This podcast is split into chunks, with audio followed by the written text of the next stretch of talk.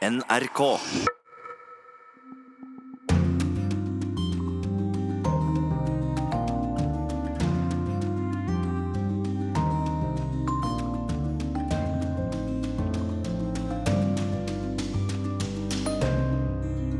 Det er valg i Hellas i morgen. Ut med sosialistene, inn med det borgerlige Nytt demokrati, sier meningsmålingene. USAs skroting av atomavtalen med Iran får konsekvenser. Nå svarer Iran. Dersom Iran starter med 150 kg med uran anriket til rundt 20% og bruker den kapasiteten de har i dag til å anrike dette opp til våpengrad, så vil de faktisk kunne produsere nok våpenuran til ett våpen på under en måned. Og når Google ikke sender folk, trår sauene til med kamera på Færøyene. Vi ser bakhodet på en sau. På ryggen, eller rundt magen om du vil, har den et svart, bredt belte. Velkommen til Urix på lørdag, der vi også får Tom Christiansens dramatiske fortelling om Robert Mugabes vekst og fall. Jeg heter Gro Holm. I morgen går grekerne til valg. Den venstreorienterte statsministeren Alexis Tsipras ønsker å beholde makten, men blir utfordret fra høyresiden og opposisjonspartiet Nytt demokrati. Meningsmålingene tyder på at det blir regjeringsskifte.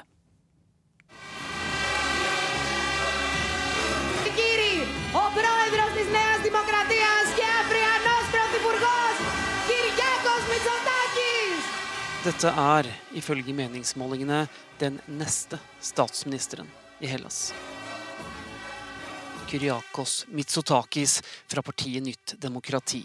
Høyreorientert, konservativ og med 36 oppslutning på målingene. Σας ζητώ λοιπόν να μου δώσετε τη δύναμη να υπηρετήσω. Jeg ber dere om å gi meg makt, slik at jeg kan tjene landet, bringe dere sammen og styrke Hellas på en god måte, sa Mitsotakis på et valgmøte i Aten i går. I morgen, søndag, får han svar fra velgerne.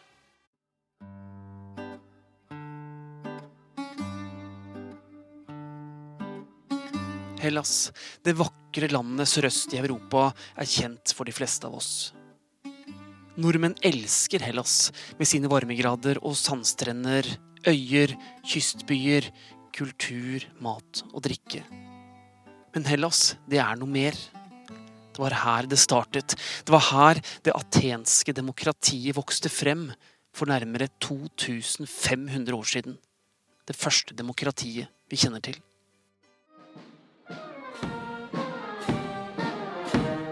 Om noen timer skal grekerne bruke stemmeretten sin enda en gang. Det står mellom to kandidater, to ulike retninger. Kyriakos Mitsotakis, den borgerlige utfordreren, og sittende statsminister Alexis Tsipras fra det venstreorienterte Syriza-partiet. Men la politikerne vente litt. La oss dra ut i hovedstaden. Hvordan har folket det her? Hellas har vært gjennom ti år med innstramminger for å reparere en økonomi som var nær ved å kollapse.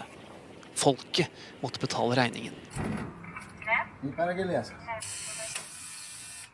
Nikos Vorliotis er 42 år og jobber som budsjåfør. Med en liten scooter ute i Atens gater forsøker han å få privatøkonomien til å fungere. Jeg greier ikke å tenke fremover, sier tobarnspappaen. Det handler om å overleve fra dag til dag. Panagiotis mitrogianis jobber på et supermarked. 39-åringen sitter på en kafé og drømmer om et bedre liv. Jeg er tom for penger før lønningsdag, sier han.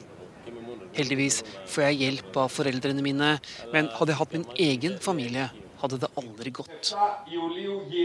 Det er håpet om noe bedre som gjør at de fleste tror den borgerlige Kyriakos Mitsotakis vinner valget i morgen. Selv har han klare oppfatninger om hva grekerne vil ha de neste fire årene. Jobs, jobs, jobs.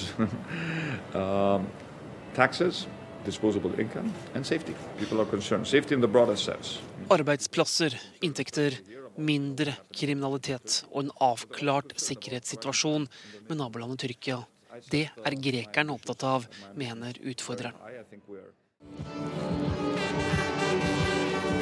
Sittende statsminister Alexis Tsipras kjører også på i valgkampen, men han sliter og ligger langt bak på målingene. Tsipras hevder han har fått kontroll på økonomien, men blir ikke trodd. Statsgjelden er enorm, og den har økt de siste årene.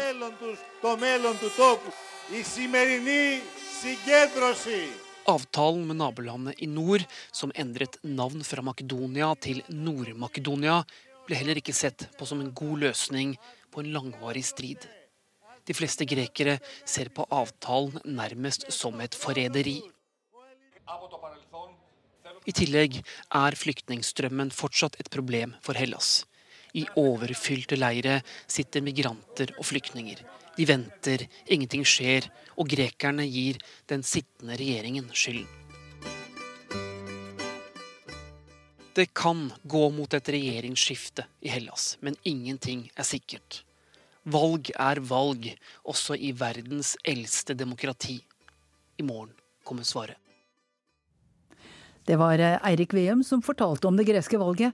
Vi har med oss europakorrespondent Philip Lote i Aten. Og hva er din forklaring på at statsminister Tsipras ligger an til å bli den soleklare taperen?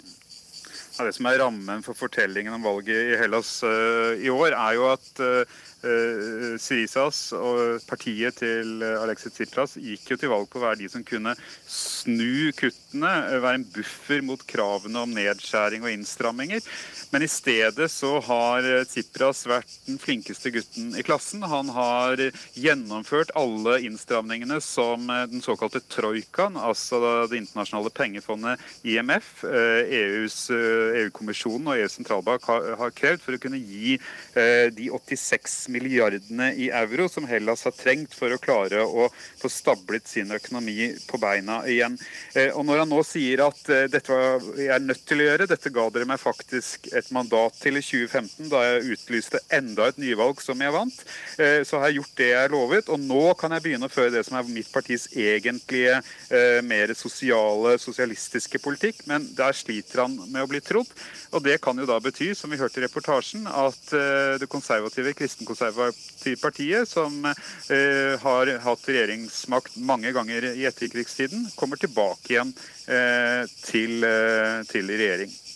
Ja, Alt tyder jo nå på at Nytt demokrati vinner valget, og Kyriakos Mitsotakis eh, blir eh, Hellas' neste statsminister. Og hvilke utfordringer kommer han til å møte? Det er vel ikke slutt på, på innstramminger eh, nå? Ja, han var jo minister i den forrige borgerlige regjeringen som gjennomførte høyere skatt, kutt i pensjoner. Så Kyriakos Mitsotakis han Eh, har også et ansvar for den eh, situasjonen Hellas er i, hvis du ser det med velgernes eh, øyne. I tillegg så kommer han fra et politisk dynasti. Hans far var statsminister på 90-tallet. Og det er mange som stiller spørsmål ved om han klarer å stå opp imot de sterke interessene i Hellas, særlig da næringslivsinteresser, som har eh, dominert eh, gresk samfunnsliv. Eh, om man er sterk nok til å eh, stå for en ny og mer uavhengig eh, og mindre korrupt borgerlig konservativ politikk enn det man har gjort før. Ja, Vi hører litt gresshopper, og det varierer litt i lyden der, men du er jo i Aten.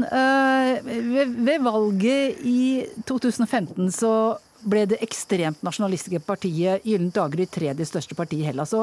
Hvordan, hvordan ligger dette partiet an nå?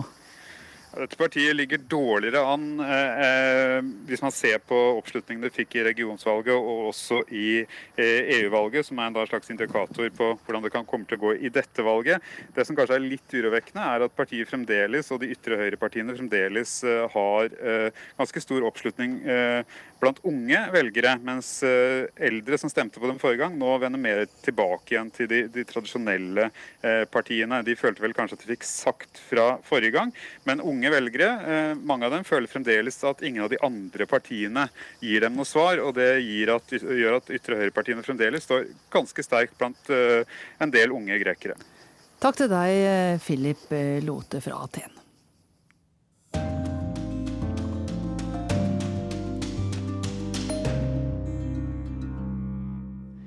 Sist mandag passerte Iran grensen for hvor mye anriket uran landet kan ha etter atomavtalen. Landets president sier nå også at landet vil anrike uran til en høyere prosent enn det som er tillatt i denne avtalen. Med et lager av høyanriket uran kan Iran klare å lage et atomvåpen på noen få uker, sier fysiker og forskningsleder Halvor Kippe fra Forsvarets forskningsinstitutt. Men dersom Iran starter med 150 kg med uran anriket til rundt 20% og bruker den kapasiteten de har i dag til å anrike dette opp til våpengrad, så vil de faktisk kunne produsere nok våpenuran til ett våpen på under én måned. Og det er noe helt annet enn det året de trenger i dag. Anrikingen er det vanskeligste med å lage en atombombe. Konsentrasjonen av den rette uranisotopen må opp fra det naturlige nivået på 0,7 til over 90 de første prosentene du anriker, er de tyngste. Så når du har 20% anriket uran, så har du egentlig brukt ca. 90% av anrikningsinnsatsen det er å ta det fra naturlig uran opp til våpengrad. Gjennom atomavtalen har Iran forpliktet seg til å ikke lagre mer enn 300 kilo anriket uran. Avtalen forbyr også anriking på over 3,7% nivået som brukes i kjernekraft. Men nå vil iranerne bryte atomavtalen på begge punkter. Ja, det, det, går liksom helt til kjernen av eh, hva Iran-avtalen har handlet om. Da. Det har jo handlet om å begrense kapasiteten i atomanleggene for å forlenge tiden det vil ta å lage kjernevåpen. Forholdet mellom USA og Iran har vært på frysepunktet de siste drøyt to årene. President Donald Trump brøt atomavtalen i 2018. We will be instituting the highest level vi vil innføre de strengeste økonomiske sanksjonene vi kan, sa Trump da USA trakk seg fra avtalen 8. mai i fjor. Og det er effekten av USAs sanksjoner den iranske regjeringen vil til livs, med nå å bryte avtalen.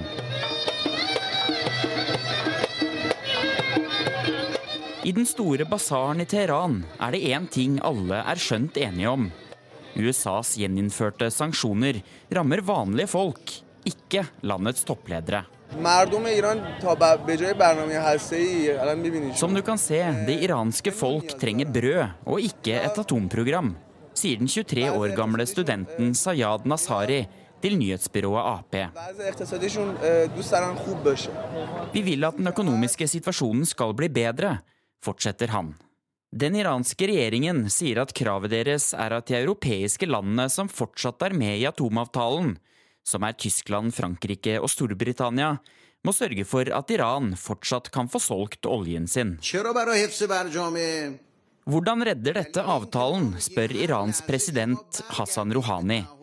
Jo, det gjør det fordi det vil få europeerne til å leve opp til sine forpliktelser, svarer han på sitt eget spørsmål. Iran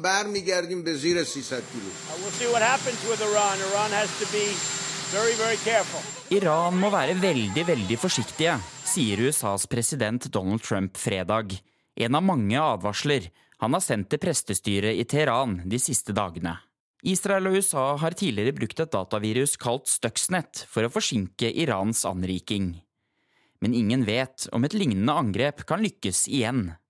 Og det er vanskelig å stanse Irans atomprogram med bombetokt fra luften, sier FFI-forsker Hippe. For det første så er det bevoktet av veldig mye luftvern.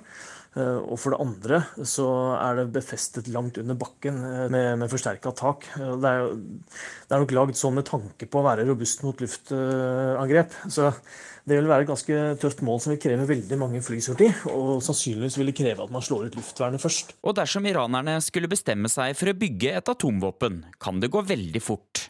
For det er jo sånn at land som har et for øvrig utviklet militærvesen, de greier som regel å, bygge selve devicen, altså selve våpenet. Hvis de har materiale, så klarer de å bygge resten av tingene. Og vi vet jo også at Iran de har jo hundrevis av ballistiske missiler som er velegnet til å levere kjernevåpen. Og vi vet at de har forsket på de teknikkene som du trenger å eh, som du trenger i tillegg til uranet da, for, å, for å bygge våpen. Så, så, vi tror ikke at den tiden det vil ta når de har materialet, at det vil ta så veldig mye lengre tid å bygge de første ladningene. Det tror vi ikke. Og førstkommende onsdag blir det krisemøte i Det internasjonale atomenergibyrået energibyrået IAEA for å diskutere Irans brudd på atomavtalen. Ifølge Iran bryter de avtalen fordi EU har gitt etter for USAs press om nye sanksjoner mot landet. Og reporter var Tarjei Kramviken.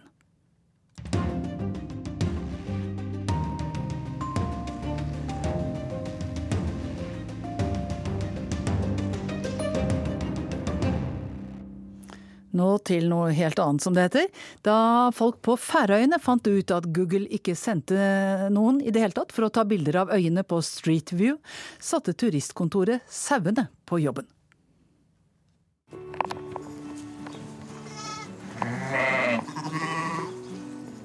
Vi ser bakhodet på en sau. På ryggen, eller rundt magen om du vil, har den et svart, bredt belte.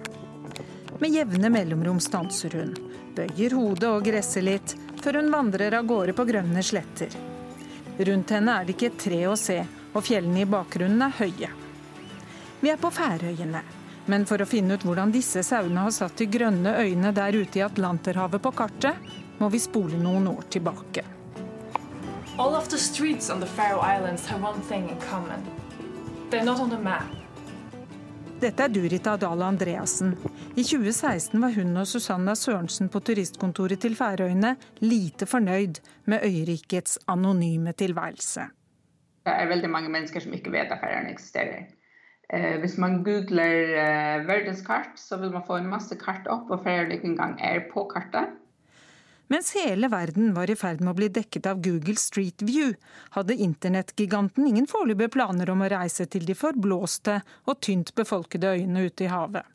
Det offisielle turistkontoret bestemte seg for å forsøke å få oppmerksomheten til det store internasjonale firmaet. Og jobben, den ga de til sauene. Vi har uh, masse sauer. Vi er uh, rett over 50 000 mennesker på Færøyene. Og vi har nesten dobbelt så mange sauer, så det var liksom litt opplagt å bruke de. Men hvordan få en sau til å bli kameramann? Den første utfordringen var å få festet kamera på den firbente fotografen. En lokal Petter Smart konstruerte et slags eh, belte som ble spent rundt magen på dyret. På beltet var det festet et 360 graders kamera. Nå var det bare å vente på at øyriket skulle foreviges minutt for minutt. Men så var det visst ikke så enkelt. Den liksom største utfordringen det var å få sauene til å gå der hvor vi gjerne ville ha dem til å gå. Og i det hele tatt å få de til å gå, for de går egentlig ikke særlig mye, fant vi ut av. De står ganske mye stille og spiser gress. Løsningen ble hunder. Hundene fikk fart på de hårete fotografene, så opptakene kunne vise noe annet enn en gressbakke. Og hundene hentet sauene hjem igjen, så bildene kunne lastes inn og plottes inn på Googles kart. Her har vi Linn. Hun er a four-year-old collie, and uh,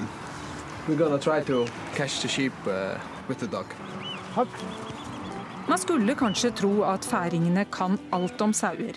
For mens det altså bor 50 000 mennesker på øyene, er det nesten dobbelt så mange sauer der. Øyene er til og med oppkalt etter dem. Fårøyene er blitt til Færøyene. Og med den fårete filmingen ble Googles interesse vekket. Så fikk jeg en, en telefon hvor det var en som sa God dag, jeg heter, husker ikke helt hva han heter. I'm calling from Google. I årene etter at kampanjen ble lansert, er det mange som har pakket allværsjakke og solide sko for å tilbringe en litt annerledes ferie. De siste årene har turiststrømmen økt med 10% når rundt 130 000 turister i året skal ut og gå blant 50 000 innbyggere, er det nok en og annen færing som syns de har fått litt mer enn det man kunne ønsket seg. Sørensen sier de har forsøkt å lære av andre turistmål, der turismen har tatt helt overhånd. Vi ønsker absolutt ikke masseturisme. Vi, vi, er veldig godt klar over at det er et begrenset antall eh, personer som kan, turister som kan, kan reise til Færøyene. Vi er et lite land. Nå er de firbente fotografene for lengst ferdig med jobben og har gått tilbake på de grønne bakkene. Og for færingene er sauene fremdeles langt mer enn ålreite dyr, sier Sørensen. Absolutt, vi er veldig veldig glade for våre sauer. Man ser de jo alle steder når man, når man drar rundt på Færøyene. Og de er liksom en veldig stor del av, av hvem de er som folk. Jeg vil si de er mye mer enn ålreit. Så, så, vi er veldig glade i, i våre sauer.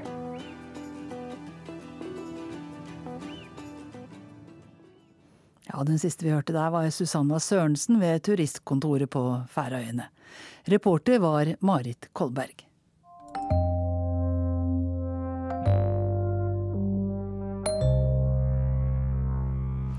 Korrespondentbrevet denne uka er postlagt i Kina, og Kjersti Strømmen forteller om den prisen som enkelte av demonstrantene i Hongkong har betalt.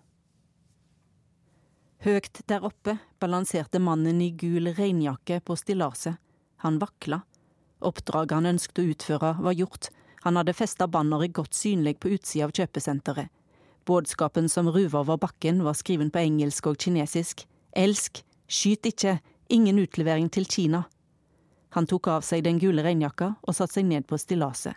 Folk på bakken holdt pusten i kveldsmørket. I flere timer prøvde politiet å snakke til han. Brannfolk la klar ei luftmadrass som kunne fange et fall. Men da klokka slo ni om kvelden 15. juni, ble sekundene lange. 35 år gamle Marco Long fell ned på fortauet, ned på den harde jorda. Demonstrantene mente at noe slikt som dette aldri ville ha skjedd om de lokale styresmaktene hadde hørt deres høglytte krav om å skrinlegge det omstridte lovforslaget om utlevering av kriminelle til Fastlandskina. De skulle ha ledelsen i Hongkong for hendinga, og sa at de nå hadde blod på sine hender. Morgenen etter la folk hvite blomster på bakken for å heidre Long. Samme dag tok to millioner til gatene i Hongkong i nye protester, denne gangen kledd i svart. To millioner pluss én, sa de. Pluss én var mannen i gul regnjakke som nå var blitt deres martyr. Mora til Long sa at hvor stolte de enn var av sønnen, av hvem han var, og at han sto opp for urett, så ville de slett ikke at han skulle være en martyr. Andre måtte ikke gjøre som han, de måtte ikke sette seg sjøl i fare. Storleiken på demonstrasjonene ble større, krava ble også styrka. Nå handler det ikke bare lenger om lova de vil bli kvitt, men de vil også at Hongkongs leder Carrie Lam trekker seg. Demonstrantene mener at hun bare er ei nikkedukke for Beijing. De hevder at om hun hadde representert innbyggerne i Hongkong, ville hun for lengst ha vraka utleveringslova. I tillegg krever de som protesterer at politiet ber om årsaking for å ha brukt vold mot demonstranter. De vil også at politiet trekker tilbake sin stempling av demonstrasjoner som opptøyer, og de krever at arresterte demonstranter blir sett fri. Sist helg ble disse kravene skrivende på en vegg på et kjøpesenter av ei 21 år gammel kvinne. Hun skrev at hennes von var å gi sitt liv i bytte mot at to millioner andre sine ønsker ble innfridde. Hun ba demonstrantene om å være utholdende, så hoppa hun i døden. Under et døgn seinere gjorde ei 27 år gammel kvinne det samme, denne gangen fra ei vegbru. Hun oppmoda de andre til å stå på med de kinesiske orda jiao, og sa at hun skulle ønsket å se at de kunne vinne sigeren til slutt. Hun skrev at hun var lei seg for at hun ikke kunne bli med videre i protestene, for hun hadde gitt opp. Jeg føler at det ikke er noen morgendag, jeg er sliten, jeg ønsker ikke å kjempe for i morgen lenger, skrev hun, og sa at hun trodde hun ville bli utstøtt av samfunnet. Disse hendelsene har fått demonstrantene til å gå vakt blant sine egne for å hindre at det skjer igjen. Folk som legger til rette for demonstrasjonene sier at selvmord på ingen måte er løsninga. Krisetelefoner blir nedringde. Jeg har aldri før sett folk i Hongkong være så forvirra og så opprørte av kjensler om at ingenting er under kontroll, sier lederen av et selvmordssenter i Hongkong, Paul Yip Shofei, til South China Morning Post. Han mener at samfunnet har gått inn i et slags hysteri, og sier at den omdiskuterte lova har skapt et vulkanutbrudd av ei djup identitetskrise. Folk er opprørte. De er urolige for andres trygghet, og de kjenner på et uvisse når det gjelder sine egne liv, sier han. Sist helg tok demonstrasjonene en dramatisk vending da en gruppe på flere hundre storma bygningen til den lovgivende forsamlinga. Flere politikere som er imot det omstridte lovforslaget, prøvde å stanse demonstrantene. En av dem, trygla på sine kne om at de ikke måtte ty til vold, for de er unge, og et liv i fengsel fører ikke til endring. De svarte at flere hadde bøta med livet for saka, uansett hva straff de kunne vente seg, ville den bleikna til sammenlikning. Metallgjerder ble bråtne, glass ble knust, bilete ble tagga, med tåregass ble de kasta ut. En sjåfør jeg kjenner i Beijing mener folk i Hongkong er naive, og kanskje også barnslige. Mange kinesere er samlet med han. De mener at Kina har blitt så sterkt økonomisk at framtida ligger for deres føtter. Informasjonen folk i resten av Kina får om hendelsene i Hongkong er avgrensa. Svært lite trenger gjennom den kinesiske internettmuren. Meldinger som blir forsøkt delt om demonstrasjonene, blir sletta før de når fram til mottakeren. Styresmakten i Beijing gjør sitt beste for å ignorere dramatikken, og i den grad de kommenterer den, heter det at utenlandske krefter står bak og vil skape uro. Men også mange kinesere som trasser styresmakten og legger inn VPN på sine mobiler for å få tilgang til informasjon, er skeptiske. Hvorfor er folk i Hongkong så dumme at de kjemper for en sak de er dømte til å tape, spør de.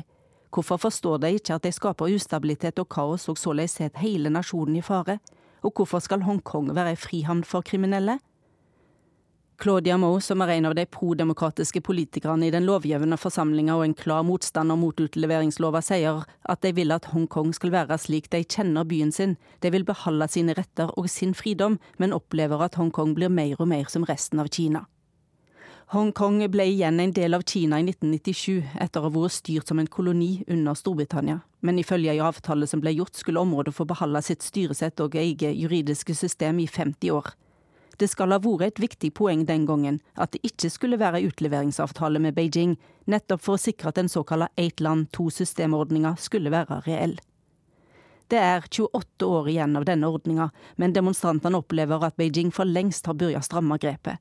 De kaller utleveringslova for den onde lova, og mener det er kroken på døra for Hongkong slik de kjenner byen, om den blir en realitet. Alt tyder på at lova blir vraka, men på indirekte vis. Nå er ikke det lenger nok for demonstrantene. Mange krever nå mer fridom, mer demokrati.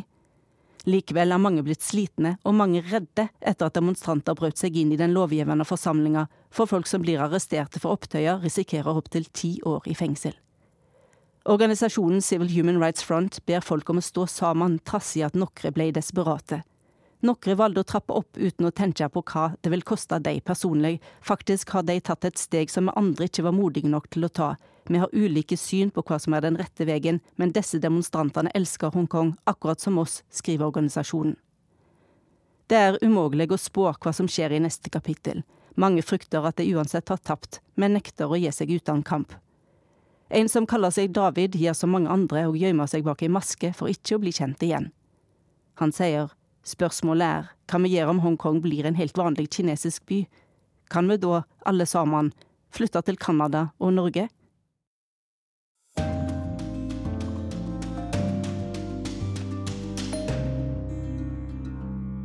Nå i sommer sender vi podkastserien Toms afrikanske fortellinger i reprise her i Urix på lørdag, og i dag handler fortellingen om hvordan Robert Mugabe tok over styringen i Zimbabwe, og mange vil vel si skjøttet sitt ansvar på en sørgelig dårlig måte. Jeg eier en gråblå pengeseddel fra Zimbabwe. Den er på 1 trillion dollar, et ett-tall og 14 nuller. Det holdt til et brød for tolv år siden.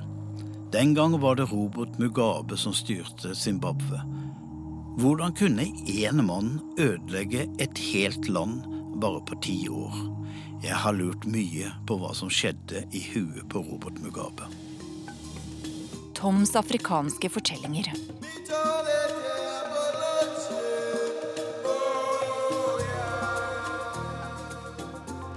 Jeg heter Tom Kristiansen og har reist Afrika rundt i mange år. Jeg bodde en gang i Zimbabwe og var høyt og lavt, i byen og i bushen. Jeg har samlet mange historier.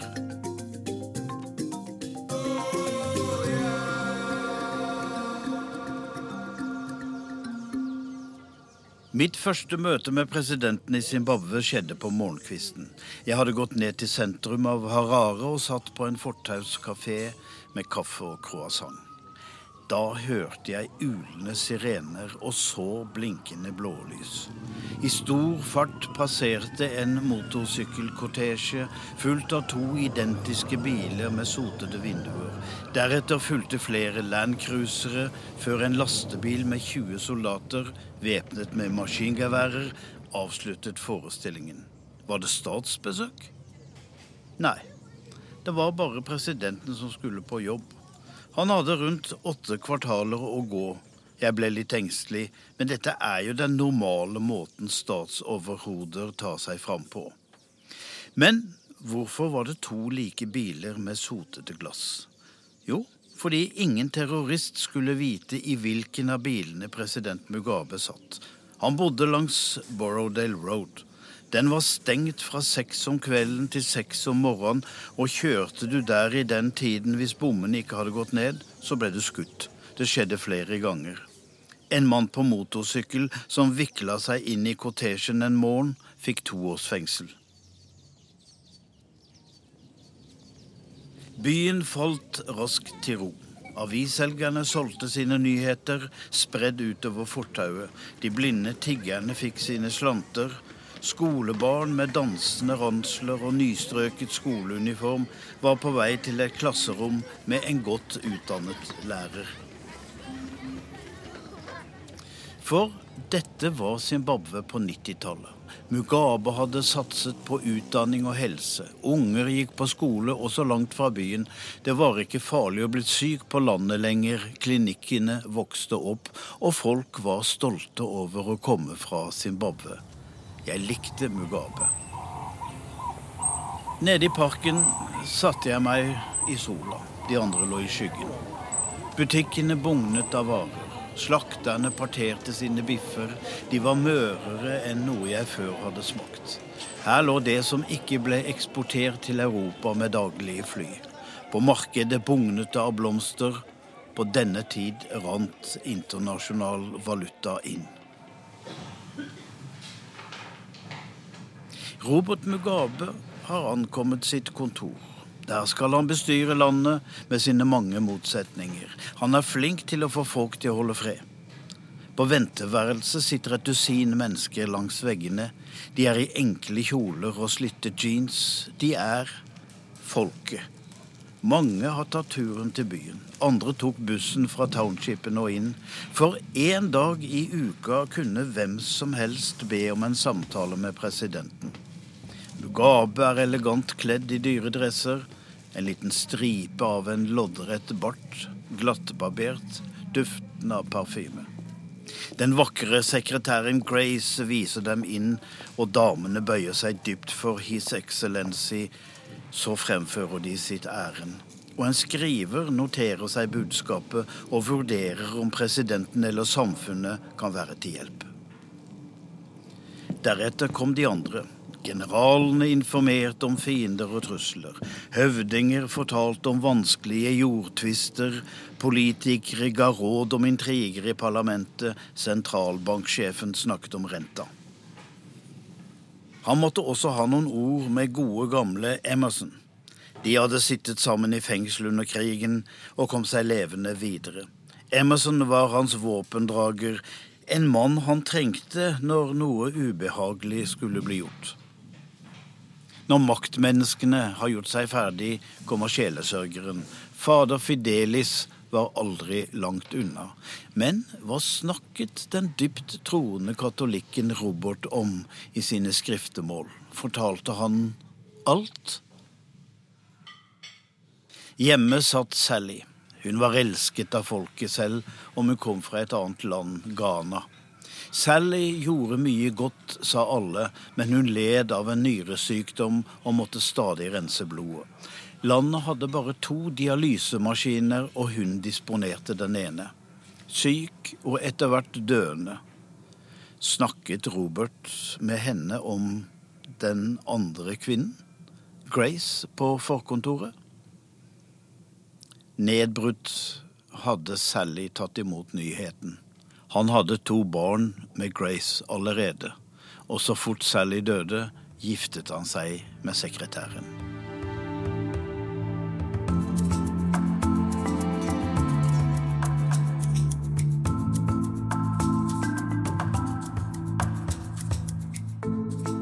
Einstøingen Mugabe. Han gikk på en streng jesuittskole, holdt seg for seg selv, leste bøker, tenkte og ba.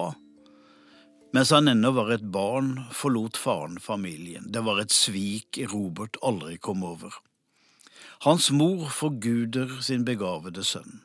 Robert Mugabe skal i sitt liv ta to mastergrader i juss og naturvitenskap og fire bachelorgrader. Han ble lærer, men det er ikke det han skal bli berømt for. Han skal bygge opp og lede en frigjøringshær, Zimbabwe African National Union, SANU. Han skal tvinge det hvite mindretallet i kne og innføre stemmerett for alle raser, og de svarte skal få jord. For at du skal skjønne denne historien, må jeg nesten fortelle hvordan det begynte. Den britiske imperiebyggeren Cecil John Rhodes lurte kong Lobengula i 1894 til å gi fra seg store områder, et helt land som han oppkalte etter seg selv, Rhodesia. De hvite hersket, de svarte var uten jord og uten stemmerett. Jean Smith ble statsminister i Sør-Rhodesia i 1964. Han var en tobakksfarmer og jagerflyver. Når noen spurte ham om når de svarte skulle få stemmerett, bare ristet han på hodet. I don't believe in black majority rule ever in Rhodesia. Not in a thousand years. Det var han Mugabe sloss mot og vant over i 1980. Da inngikk de en fredsavtale i Lancaster House i London. Mugabe så på briter med forakt og mistro. They, they. De hadde stjålet landet og siden halve verden. Rule Britannia, Britannia rule the world. Which world? Samtidig oppdro han sine barn til å bli små gentlemen som skulle snakke Queens English. The one lady I admire, the queen.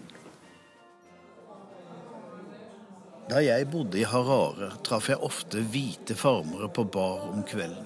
De satt med sine langpils og spiste enorme biffer. De ble kalt roadies, rodesere, og mente at svarte mennesker ikke kunne styre et land. Det var bare å se seg rundt i Afrika. Og dessuten var Mugabe kommunist og ble styrt av gudløse stater som Kina og Sovjetunionen. Men det snudde fort. I, Robert Gabriel Mugabe, do swear that I will well and truly serve Zimbabwe in the office of Minister of the Government. So help me God.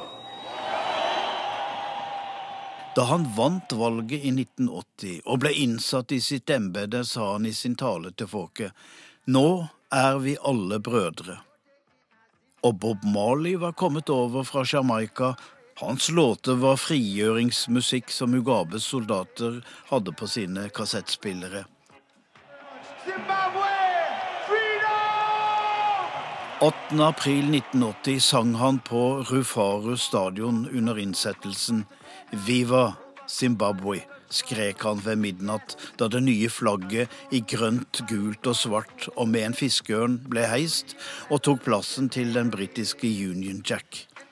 En 32 år gammel britisk prins Charles sto i giv akt, og Bob Marley hadde skrevet en sang til Zimbabwe hvor det sto Enhver skal få bestemme sin framtid.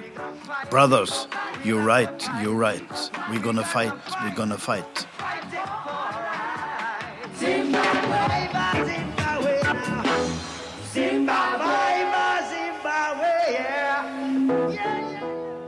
Mugabe kalte på den avgåtte statsminister Jean Smith for å spørre om han kunne få ta med seg inn i regjeringen fire av hans hvite ministre.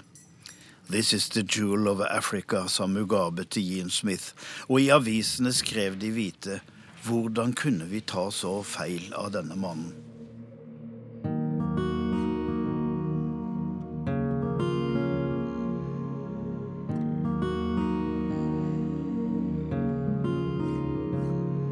Jeg respekterte den elegante Mugabe der han sto fram på pressekonferanser, i taler og ved bedriftsbesøk. Han holdt hodet høyt, snakket med dyp stemme, aristokraten Mugabe, statsmann fra landsbygda, en mann for de bonede gulv. Men var han den de trodde? Han ville nedkjempe sin politiske rival Joshua Nkomo og satte i gang en opprensking i Matabeleland, der Nkomo kom fra. 20 30 000 sivile ble drept. Mugabe gjorde det ikke alene. Han hadde Emerson med seg. Emerson Nangagwa skal følge ham som en skygge i gode og onde dager. Men de arbeidsløse var fattige. Krigsveteranene kunne forresten godt huske at Mugabe lovet dem jord når krigen var over. Alle skulle få den jorda som de hvite hadde stjålet. Etter hvert tar veteranene landreformen i sine egne hender, for det skjer ikke noe. Da mørket faller på, angriper de gårdene der vettskremte hvite farmeres familier barrikaderer seg. De tenner på hus, dreper bønder og skjærer opp deres ansatte. Mugabe er presset opp i et hjørne. Hva skal han gjøre med veteranenes gårdsokkupasjoner? Han lar dem herje på. Britene nekter å betale kompensasjon for de hvite farmerne, så han kan legge skylda på dem. En halv million gårdsarbeidere fikk sine hytter påtent og stakk av, de òg. Uten hjem og uten arbeid. Så gjorde regjeringen forbrytelsen til lov. Gårdene ble gitt til de svarte som en rettferdighetshandling. Nå kunne Mugabe gjennomføre landreformen uten at det kosta ham en dollar. Han omtalte internasjonale kritikere med forakt. De hadde plyndret landet i hundre år. Dommere får sine gårder, generaler blir bønder, politikere kan flytte på landet, og slektninger av presidenten for egen jord under støvlene. Jeg dro ut av Harare for å se hva som skjedde. Grace Mugabe hadde fått tre gårder. Det var høst, men jordene sto tomme. Ingen mais var plantet. Ingen mais kunne høstes. Over gårdstunet luntet noen herreløse hunder. Den nye bondestanden kunne ikke drive landbruk, og Zimbabwes eksport av kjøtt til Europa og mais til nabolandene stoppet. Tobakksfarmerne hadde ikke et sigarblad å vifte med. Ingen utenlandsk valuta kom til landet. Så steg prisene, og så kollapset økonomien.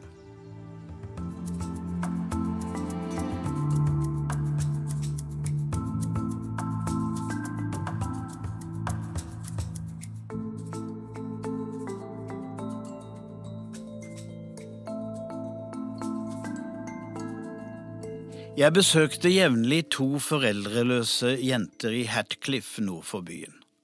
De bodde i et skur og kom seg på skolen ved hjelp av ei tante. Vi kjørte ned til et supermarked for å handle maismel og såpe og litt kjøtt. Jeg betalte en halv million. Folk som skulle kjøpe et kjøleskap, kom med ei trillbår. Dette bekymrer ikke guttene til Mugabe.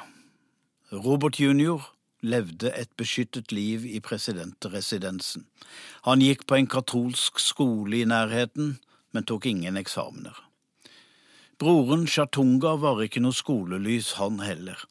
Han ble etter hvert utvist fra skolen på grunn av dårlig oppførsel. De var isolerte og skye, og utviklet etter hvert en utagerende atferd som tenåringer. Mugabes gutter ble sendt til De forente arabiske emirater for å studere, de gjorde ingen god figur i Dubai heller, fulle av whisky og dop. Deretter sendte Mugabe dem til Sør-Afrika, og der lever de fortsatt som playboyer. Den pengeglade mora deres, Grace, gjorde heller ingen god figur. Folk kalte henne bare for Disgrace eller Gucci Grace. Journalister har observert henne i Paris, hvor hun handler for 800 000 kroner bare i løpet av en formiddag. En annen journalist tok bilde av henne på flyplassen i Hongkong med 14 trillevogner foran skranken og fikk seg en kilevink.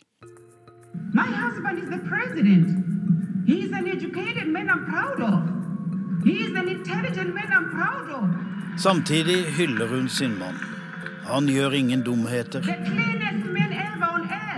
Han har hederligheten selv. Han løper ikke etter andre kvinner. He keeps to me and me alone. Sa Grace om den mannen hun hadde vært elskerinna til. Mugabe omtalte henne som et fyrverkeri. Men kanskje hun er en fremragende forsker? I 2014 tok hun doktorgraden i sosiologi ved universitetet i Zimbabwe, bare to måneder etter at hun hadde meldt seg opp. Hun verken prøveforeleste eller fulgte forelesninger. Ingen har sett avhandlingen. Hun har selv fortalt at doktorgraden er basert på såkalt deltakende observasjon som presidentfrue. Hun skal ha skrevet om foreldreløse barn.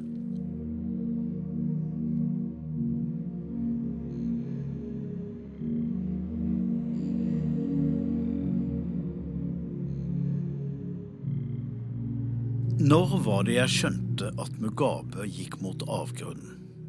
Sammenbruddet i landbruket og deretter økonomien var ille nok, men i mai 2006 sendte han inn bulldoserne mot skurene i Hatcliff, der det bodde 700 000 mennesker.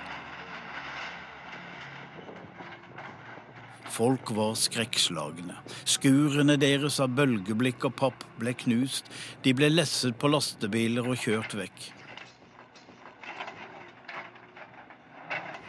Jeg dro opp for å se, og tenkte på de to jentene uten foreldre som sårt trenger andres hjelp. Hvor var de? Skuret var knust. De holdt til under presenninger. De skalv og gråt. Snart er det vinter, og snart er det natta. De og alle de andre er uten hjem. Og så ser jeg hva Mugabe har kalt denne opprydningen av ulovlig oppsatte hus. Operasjon Muram Batsvina. Det betyr kjør vekk møkka. Og møkka er hans eget folk. FN styrter til og sender Jan Egeland. Han møter Mugabe og tilbyr telt til de hjemløse. Mugabe veiver ham av. Vi er ingen teltnasjon, mister Egeland. Her bor folk i hus. Tents are for the Arabs. Uttak er verdens lønn. På et partimøte med 3000 tilhørere sa Mugabe om Jan Egeland at han er en forbanna hykler og en løgner. Han drar rundt i verden og snakker vondt om oss. Det var ikke tilfeldig at Mugabe tok Hatcliffe og andre fattige bydeler. Her fikk opposisjonspartiet MDC flest stemmer ved valget. Tidligere hadde han motsatt seg at FN og humanitære organisasjoner skulle dele ut mat til kommuner hvor opposisjonen vant. De illojale velgerne skulle straffes, så de visste hvem de heller skulle stemme på neste gang. Helsa skranter. Under et toppmøte i samarbeidsorganisasjonen Sadek i Gabarone tisser han på seg mens han taler. Som ordstyrer for Den afrikanske union sovner han ved styrebordet. Han er ustø til beins, ser dårlig og går rett på en blomsterdekorasjon. Han bukker dypt foran en kjempeplakat av seg selv utenfor et stadion i Harare. Ved en av hjemkomstene fra Asia snubler han ned flytrappa og må løftes opp. Flere av livvaktene ble siden straffet. Kolonimaktene kan dra til helvete. Lederne av opposisjonen kan gå og henge seg, sier han. Åh, den lille, onde biskopen. Det er Desmond Tutu han omtaler. Under sist presidentseremoni satt han, nedsunket av alle sine selvlagde medaljer, og snorket.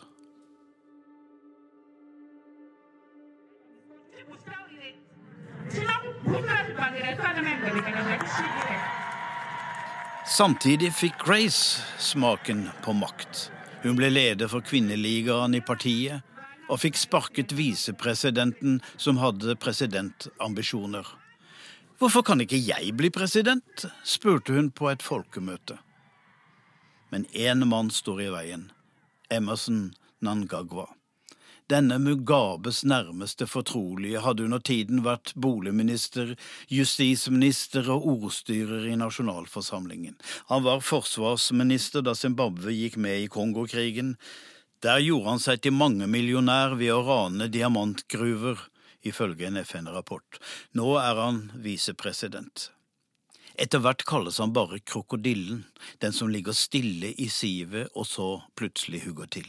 Ikke rart at folkene rundt ham kalte sin kampanje for Lacoste.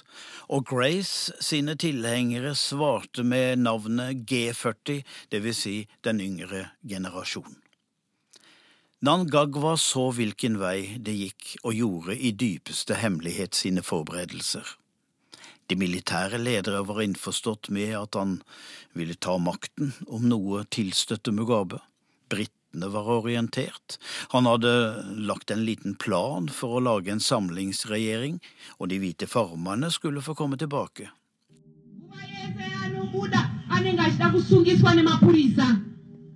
4. november 2017 er det folkemøte i Bulawayo sør i landet.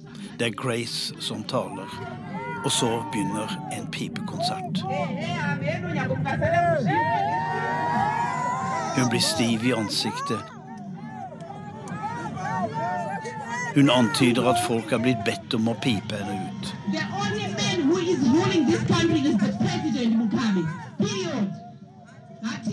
Men det er presidenten som har makten, sier hun. Mugabe satt sammensunket i den dype stolen på scenen og så plaget ut mens politiet arresterte folk som buet førstedamen. To dager seinere gjør Mugabe det utenkelige. Han avsetter sin kjære venn og rådgiver Nangagwa og kaller ham illojal og uskikket til å styre sitt embete. Nangagwa får trusler, så stikker han, karrer seg om natten barbeint over grensa til Mosambik med soldater like i nærheten, han kommer seg videre til Sør-Afrika. Var det Grace eller Robert som sto bak?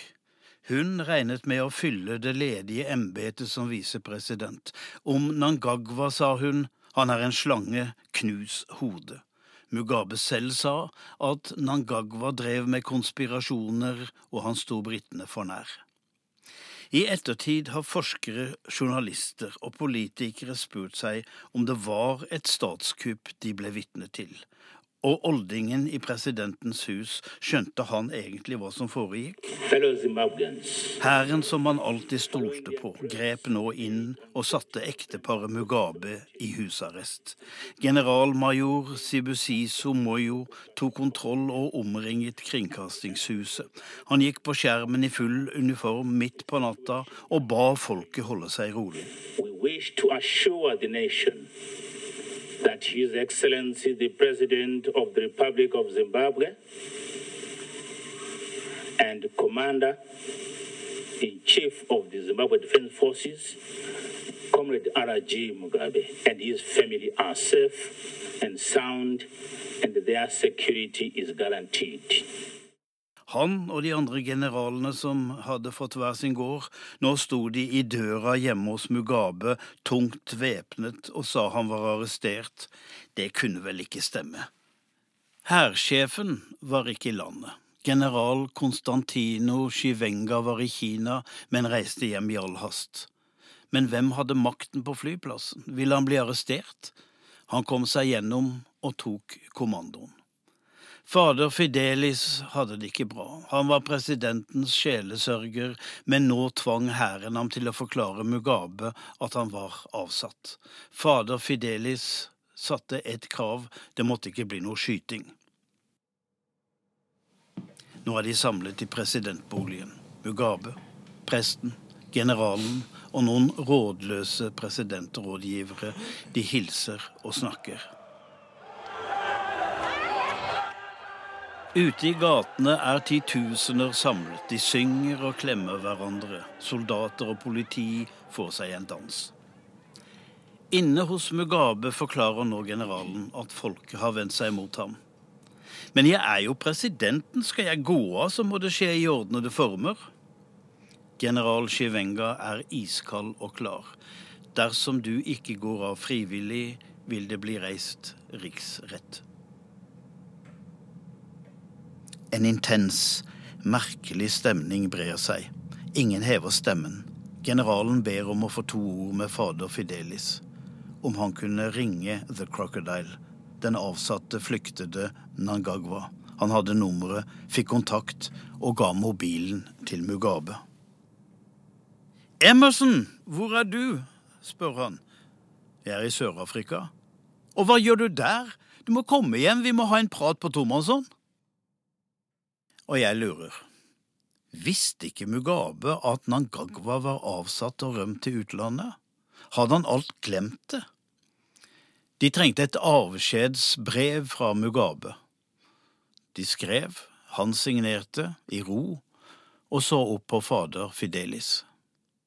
Andre har fortalt at Mugabe løftet et bilde av Grace som han hadde på skrivebordet, og så snakket han til bildet. Skulle ønske du var her nå, Grace men det var hun ikke.